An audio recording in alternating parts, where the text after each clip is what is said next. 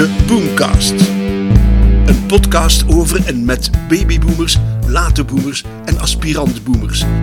In samenwerking met de Grote Post in Oostende.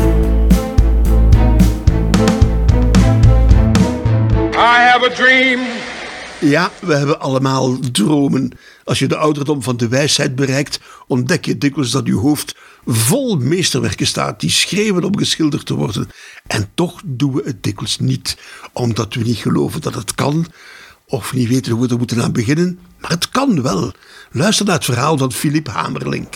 Het begint met een jongensdroom.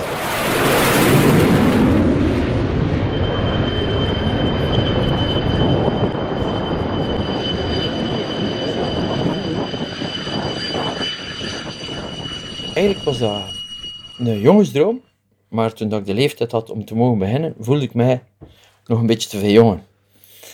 En, eh, maar bon, dan ben ik dat gaan doen. En eigenlijk moet ik eerlijk zeggen dat ik die bagage die ik toen had, die iets meer maturiteit, dat dat toch wel geholpen heeft. Eh, ja, dan ben ik aan die opleiding begonnen en eigenlijk ging dat, dat, dat, dat, lag mij enorm goed. Dus ik heb eigenlijk heel die carrière in, in, het, in het leger, ja, je kunt niet anders, uh, je kunt geen straaljagers vliegen buiten het leger. Uh, heb ik eigenlijk, ja, ik altijd kunnen doen wat ik graag deed. Uh, en dat is wel zo'n beetje de, de essentie geworden van, ik doe, ik leer, ik heb gevoeld dan, ik ben iets aan het doen dat ik graag doe. Al is er dan geen oorlog, alle dagen wordt er gedaan alsof dat een oorlog morgen kan beginnen. Dus dat vak is wel ernstig, dat is, dat is heel plezant om te doen. Maar dat is wel een ernstige job. Want Heb je ooit het gevoel gehad, het is gevaarlijk nu? Je moet dat eigenlijk constant anticiperen of dat er wat zou kunnen komen. Uh, dat, dat wil zeggen, dat is, dat is naar buiten kijken, mensen op je instrumenten kijken. Maar ja, dat is niet dat, je vliegt niet alleen rond. Hè. Uh, de, dus de, de, specialiteit van het F-16 squadron dat ik in zat, waren luchtgevechten. En in luchtgevechten komt erop neer dat je eigenlijk in uw hoofd een soort 3D-beeld moet maken van wat er zich rond u afspeelt. Het langs de ene kant de grond, dat is tamelijk duidelijk, dat is de grond. Dat moet niet tegenvliegen. Maar daarnaast heb je de collega's waarmee dat, die bij u zijn in het luchtgevecht, en de collega's die aan de andere kant zijn. En we hebben allemaal middelen, we hebben radar, we hebben radar op de grond daarmee met babbelen.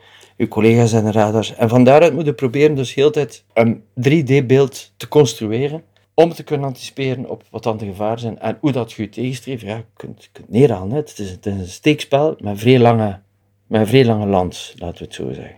Je krijgt soms de indruk dat mensen zoals jij, F-16-piloten, een soort persoonlijke relatie hebben met hun vliegtuig. Is dat zo? Op het moment dat je aan het besturen zit, denkt je, denkt je niet na over het besturen van dat toestel.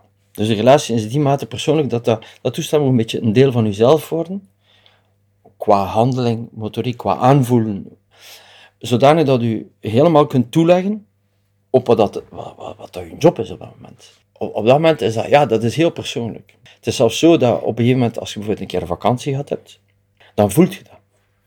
Je, hebt, je, voelt dat en dan is dat ook verplicht. Na, wat was zijn tijd? Na 21 dagen niet vliegen, moest je eerst een keer een vlucht alleen doen, om het vliegtuig weer gewoon te worden om weer een keer al die handelingen te hebben, al die dingen. Ik bedoel, die ergonomie van dat toestel, ja, dat is complex. Hè. Dat, dat, zijn meer knopjes op dan op een piano, denk ik, die je ook allemaal moet bedienen. En dat staat allemaal op, op uh, ja, de stick waarmee dat gestuurd en de trottel waarmee dat de gas geeft, of minder. En dat staat vol met knopjes. En daarnaast zijn er nog allemaal knopjes en dit en dat. Als je daar even uitzet, ja, dat is, het is, het is gelijk dat je een maat of, of, of, of je lief drie maanden niet gezien hebt. Het begin is dat ook terug een beetje gaan zoeken van... Uh, hoe accorderen we hier nog wel? Nu je daarmee gestopt bent, ga je het missen? Nee. Ik, en ik heb het nu, ik, ik, ik, heb het nog, ik heb het nog niet gemist. Nee. Je kan tevreden zijn met je leven en de loopbaan die je had. Maar zoals Bowie al zong, dat wil niet zeggen dat je dromen geen werkelijkheid zouden kunnen worden. Oh, we can be heroes. Just for one day. Ondanks het spannend leven als F-16-piloot was er bij Philip Hamerling toch het verlangen om iets in een andere richting te beginnen. En geen klein beetje. En hoe begint zoiets? En dan is het zover gekomen dat op, het moment dat uh, in 97 het smak open is gegaan, heeft Jan Nut mij gevraagd, zou je niet voor de opening een keer passeren met een F-16? En we hebben dat dan geregeld. en dan werk ik zo echt... eh, ja, dat was de opening eh, met twee F-16's. Vlak daar boven het smak gepasseerd in Gent. En dat was ook een periode dat ik... Ik ben dan beginnen eh, in avondschool naar academie gaan. En dan heb ik dat een paar jaar, een paar jaar gedaan. Maar dan is er een gezin gekomen. Dan ben ik in kokzijde gaan vliegen. En daar zit je natuurlijk met een systeem van enorm veel wachten en gezin. Heb ik dat even on hold gezet. Niet mijn interesse, maar zo van ja, hoe, dat ik daar actief mee kon bezig zijn. En dan eh, werk ik in 2010. In 2010 heb ik die, eh, die academie, ja, volwassenenonderwijsacademie verder gezet. En eh, dan in 2014 afgestudeerd. En sindsdien is dat, ja, is dat, ik, ik kan mij niet professioneel van 's morgens tot 's avonds een kunstenaar noemen. Omdat ik nog met nog een jong kind en andere dingen bezig ben, wat dan ook. Maar sinds de laatste drie jaar, drie jaar en een half, heb ik, dat is een probleem van kunstenaar. Is een goede plek, een goed atelier hebben. Heel belangrijk. En heb ik uiteindelijk sinds de laatste drie jaar half gevonden. Maar het is wel zo dat het, het is niet hobby, hè? het is een, het is een, job die je wil hebben. Ja, ja, ik, Ik, ik, ik, ik, zie, ik zie het als job. Nu, is, is het hobby, als hobby iets is dat je graag doet, dan is het hobby. Ja, is het, is, is het iets dat zichzelf... Ik probeer dat zichzelf te laten dragen. En als ik, als ik daarnaast eh, wat nodig heb eh, en, en andere jobjes kan doen, dan doe ik dat. Maar dat gaat alsjeblieft naar materiaal, machine. En dat gaat heel vlot. Eh, Ja. ja. Het is geen eh, voor de hand liggende stap die je gemaakt hebt. Ehm, Hoe heeft uw omgeving daarop gereageerd? Wel, e- e- eerlijk gezegd heb, ik- heb ik mij daar... Ik hield mij er niet zo vreemd mee bezig dat mijn omgeving daarop reageerde. Ehm, en, maar ik was soms wel verrast hoe dat ze daarop reageerden. Eh, sommigen een beetje verbaasd, sommigen geïntrigeerd eh, en vonden interessant. Maar het is inderdaad... Ik heb wel ervaren dat, dat de... En het, er kleeft nog altijd veel meer op mij het etiket van F-16-piloot. Want Mensen zitten zo bij elkaar, de maatschappij denkt zo. Hè, ze, gaan, ze gaan misschien vrezen, Zaki, DJ, en misschien niet schrijver. Hè, of, of, of, of lezing geven, of filosoof. Of, eh, zie je? Dus zo, en, en dus dat voel ik wel. En ik heb, ja, maar langs aan de andere kant zeg ik van, ja, ik, ik, ik moet me daar niet aantrekken natuurlijk. Ik moet niet denken in de plaats van de andere mensen. Maar er is, er is een soort ongeloof of wat dan ook. En in dingen dat ik zit, dat is, dat is mijn mondjesmaat dat ik tentoonstellingen doe. Hè. Eén, ik kan mezelf niet verkopen. De zaken die ik maak zijn niet zozeer decoratief of gemakkelijk verkoopbaar. Maar de laatste jaren zie ik wel ja, dat ik op een paar tentoonstellingen gestaan heb die, die al wat interessanter zijn. En we zullen zien wat de toekomst biedt. Maar ik doe het graag en ik, ik doe daarmee verder. Was het moeilijk, want je was in je vorige beroep een van de topmensen. En dan plots ben je weer een beginner. Dat is, ja, dat, dat is een deel ook. ehm, dat is heel interessant. Het, het feit is dat het bij mij samengegaan is met eigenlijk eh, op pensioen gaan.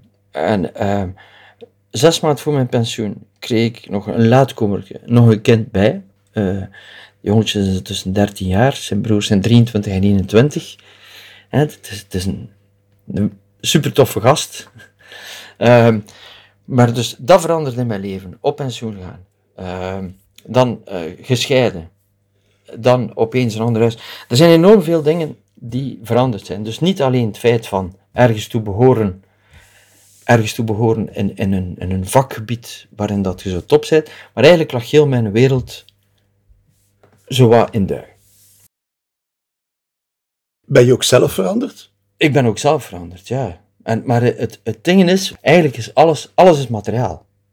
Er is niet iets dat geen materiaal is. Langs de kant vind ik ook de, de troost ergens van, van het maken, of de troost van de kunsten, dat eigenlijk alles materiaal is. Zoals dat ouder worden materiaal is, eh, dat eh, winstmateriaal is, of verliesmateriaal is. En als je kijkt naar de kunstenaars, grote kunstenaars, velen hebben hun beste werken gemaakt in de grootste miserie ergens heeft mij dat, en, en dat is ook een zeker therapeutisch onderdeel dat, dat, ik- gemerkt heb, want ik ben niet, ben niet beginnen dingen maken puur uit een therapeutische achtergrond, maar ik heb gemerkt dat dat helpt.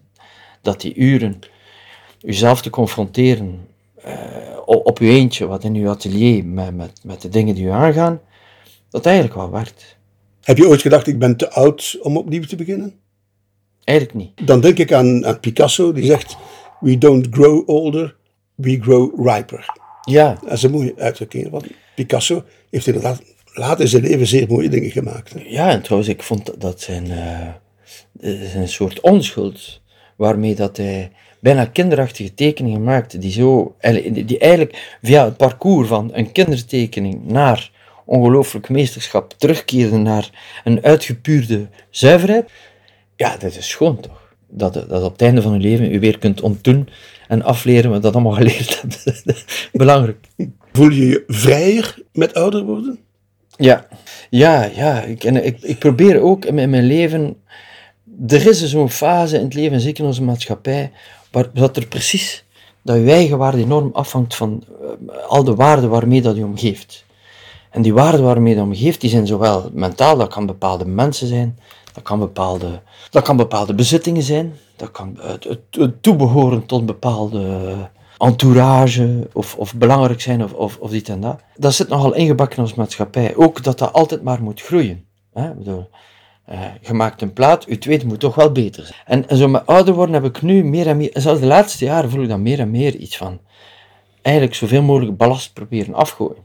Een beetje bevrijdend? Een beetje bevrijd, ja. Je eigen gaan verlichten. Zo met, de laatste probeer ik ook zo eigenlijk eenvoudiger te leven. Gelijk normaal gezien was ik nu op vakantie geweest en naar Frankrijk en op bezoek bij tien mensen en dit en dat. Maar lieve, ik maar waarom zouden wij dat doen? Waarom zouden wij daar in die notte gaan zitten? Om daar in die hitte te gaan zitten? En, en nu hebben wij, ja, wij houden het simpel. We zijn wat thuis. We kunnen in de buurt naar een vijver gaan zwemmen. We kunnen een keer naar de zee. Dat is ook goed, hè? En, en ik denk soms ook, ja, ecologisch is het ook goed, hè? Je zit niet met vliegers rond te vliegen. Je zit niet met auto's kilometers rond te rijden. Dus op die manier, eigenlijk, eigenlijk en het enige dat je moet doen, is mentaal zo zeggen. Is, in plaats van altijd, is, is eigenlijk vermeerderen, wat, wat, wat heel de maatschappij, het kapitalisme, het, de groei voor staat. is. Nee, verminderen.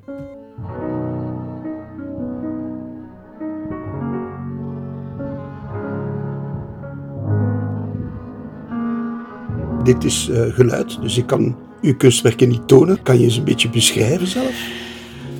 Ze, ze zijn heel persoonlijk, die kunstwerken. Ze zijn, ze zijn eigenlijk allemaal, meestal, buiten hier en daar iets dat spontaan ontstaan is, zijn het, zijn het resultaten van lange processen. Dingen die ik ooit een keer gemaakt heb of geprobeerd, of die, spontaan eruit kwamen, die ik dan soms jaren aan de kant zet en dan weer verder gaan.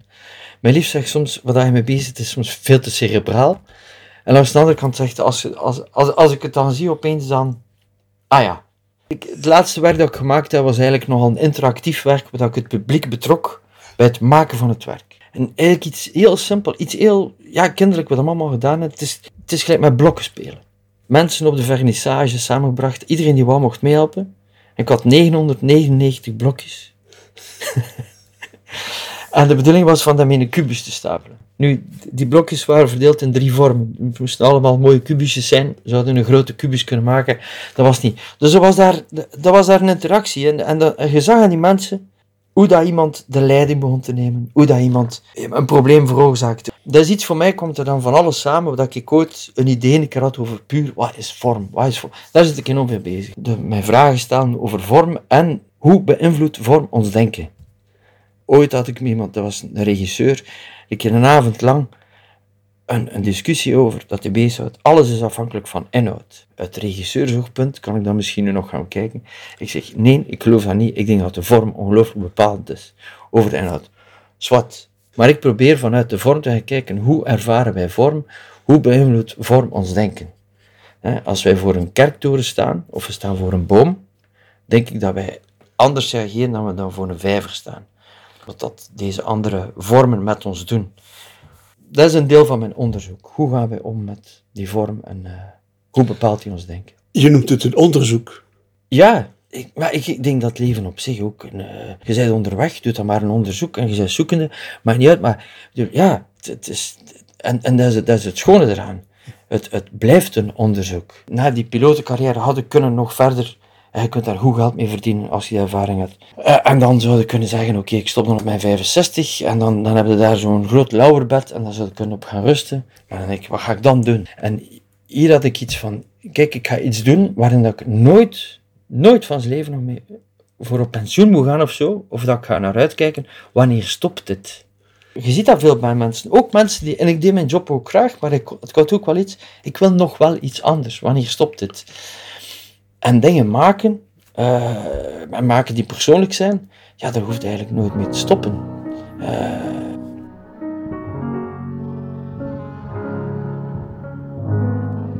Hoe belangrijk is humor in het leven? Ik ontdek ook veel humor in uw werk. het heeft een ernstige achtergrond, maar ik probeer het dan zo, ja, speels toch te maken. Dat, dat er daar. Een ander werk dat ik gemaakt heb, was, was eigenlijk een vislijn met een boog langs de andere kant. Dat is, ja, wat gebeurt er nu? Het is een grote eh, vislijn, maar aan de andere kant staat er, hangt er geen naak, maar het zit daar een boog op vast. Dus wat is er hier nu aan het gebeuren? Is, is de jager de visser aan het jagen, of is de visser de jager aan het opvissen? En ben je dan geïnteresseerd in de, in de verwondering van de mensen die het zien? Da- daarvoor dat mensen toch iets hebben, ah, of, of um, niet puur van goed gevonden, maar dat er iets prikkelt, maar dat, dat het ook niet, niet te voor de hand liggend is. Eh, maar voor mijzelf, mijn werken ook, die blijven mij dikwijls, als ik ze zie staan in mijn atelier en aan een tijd er meen ik er iets in kan zien dat ik twee jaar geleden niet gezien had. En dat vind ik dan heel plezant, want zo heb, heb je iets van, tja, had ik toen al zoiets gemaakt en zie ik dat nu pas in. En hoe zie je de toekomst nu? Ja, verder doen. Eh, Ik ben heel blij met, met de versimpeling van het leven. Zo, ben de laatste jaren heb ik ook veel minder... Vroeger was dat op reis gaan en naar dit gaan of dat gaan of dat meemaken. Ja, de, die vereenvoudiging, die... eh, op een of andere manier vind ik die voedend. Bedoel, je, je bent minder gejaagd. Eh, ik slaap goed. heel belangrijk. Ik, ik, ik, kom, ik, ik kom veel buiten ook wel. Ik ben graag in de natuur. Ik ga, ik- van sporten ga ik nog wel gaan fietsen en zo. Dus ik probeer nu naar mijn lichaam toch wel wat te luisteren. Ik denk dat dat ook al wat kan helpen. Ehm, ik denk dat stress een, eh, een veel eh, schadelijker factor is. Mentale stress veel schadelijker factor dan een pint te veel of, eh, of, of een busstick te veel. Maar bon, dat is nu mijn gedacht. Maar ik denk dat, dat de kracht van de geest niet mag onderschat worden. En dat ouder worden... Als ik, ik zie mensen... Ik, ik, heb, ik heb een mens gekend, wil ik zeggen. Die mens, die, had, die is in de tachtig geworden. En die heeft een aantal beroertes gehad, waardoor dat zijn... Ja, om de duur zat hij in een rolstoel. Waardoor bepaalde dingen begonnen uit te vallen of moeilijker te zijn. Maar ik ga nooit vergeten, die mens een blik in zijn ogen, wat er daaruit kwam, dat was een en al levenslust. We zeggen, kijk, die was dan fysiek, ja, had hij had die van alles voor gehad, maar wat dat er daar in die ogen bleef uitkomen, en voor mij was het leven wijs, ja, zo kan het ook. Als je nu jonge mensen raad zou moeten geven, wat zou je hen zeggen? Ehm, luister naar uzelf en, en doe wat je graag doet. Want ik denk dat het grootste deel van de stress voorkomt. En van, van eh, is, is, proberen te voldoen aan bepaalde verwachtingen van dingen rondom u, of dingen die u inbeeldt. Of dan ze naar gaan luisteren. Dat ik daar vroeger niet naar geluisterd heb, dat weet ik niet. Maar zo zit het in elkaar. Dat zien we- zo zit het dat in zien we elkaar. dan wel. Dat zien we dan wel. Filip, bedankt voor het gesprek. Dank u wel. Graag gedaan.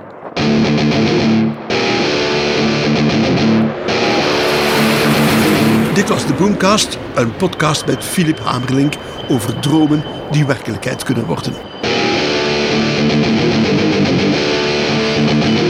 Entourage of, of belangrijk zijn of, of, dit en dat. Dat zit nogal ingebakken in onze maatschappij. Ook dat dat altijd maar moet groeien.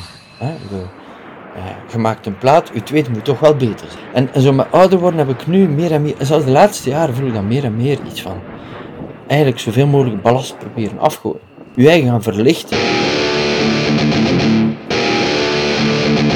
De Boomcast komt tot stand dankzij de inzet van de mensen in de Grote Post in Oostende.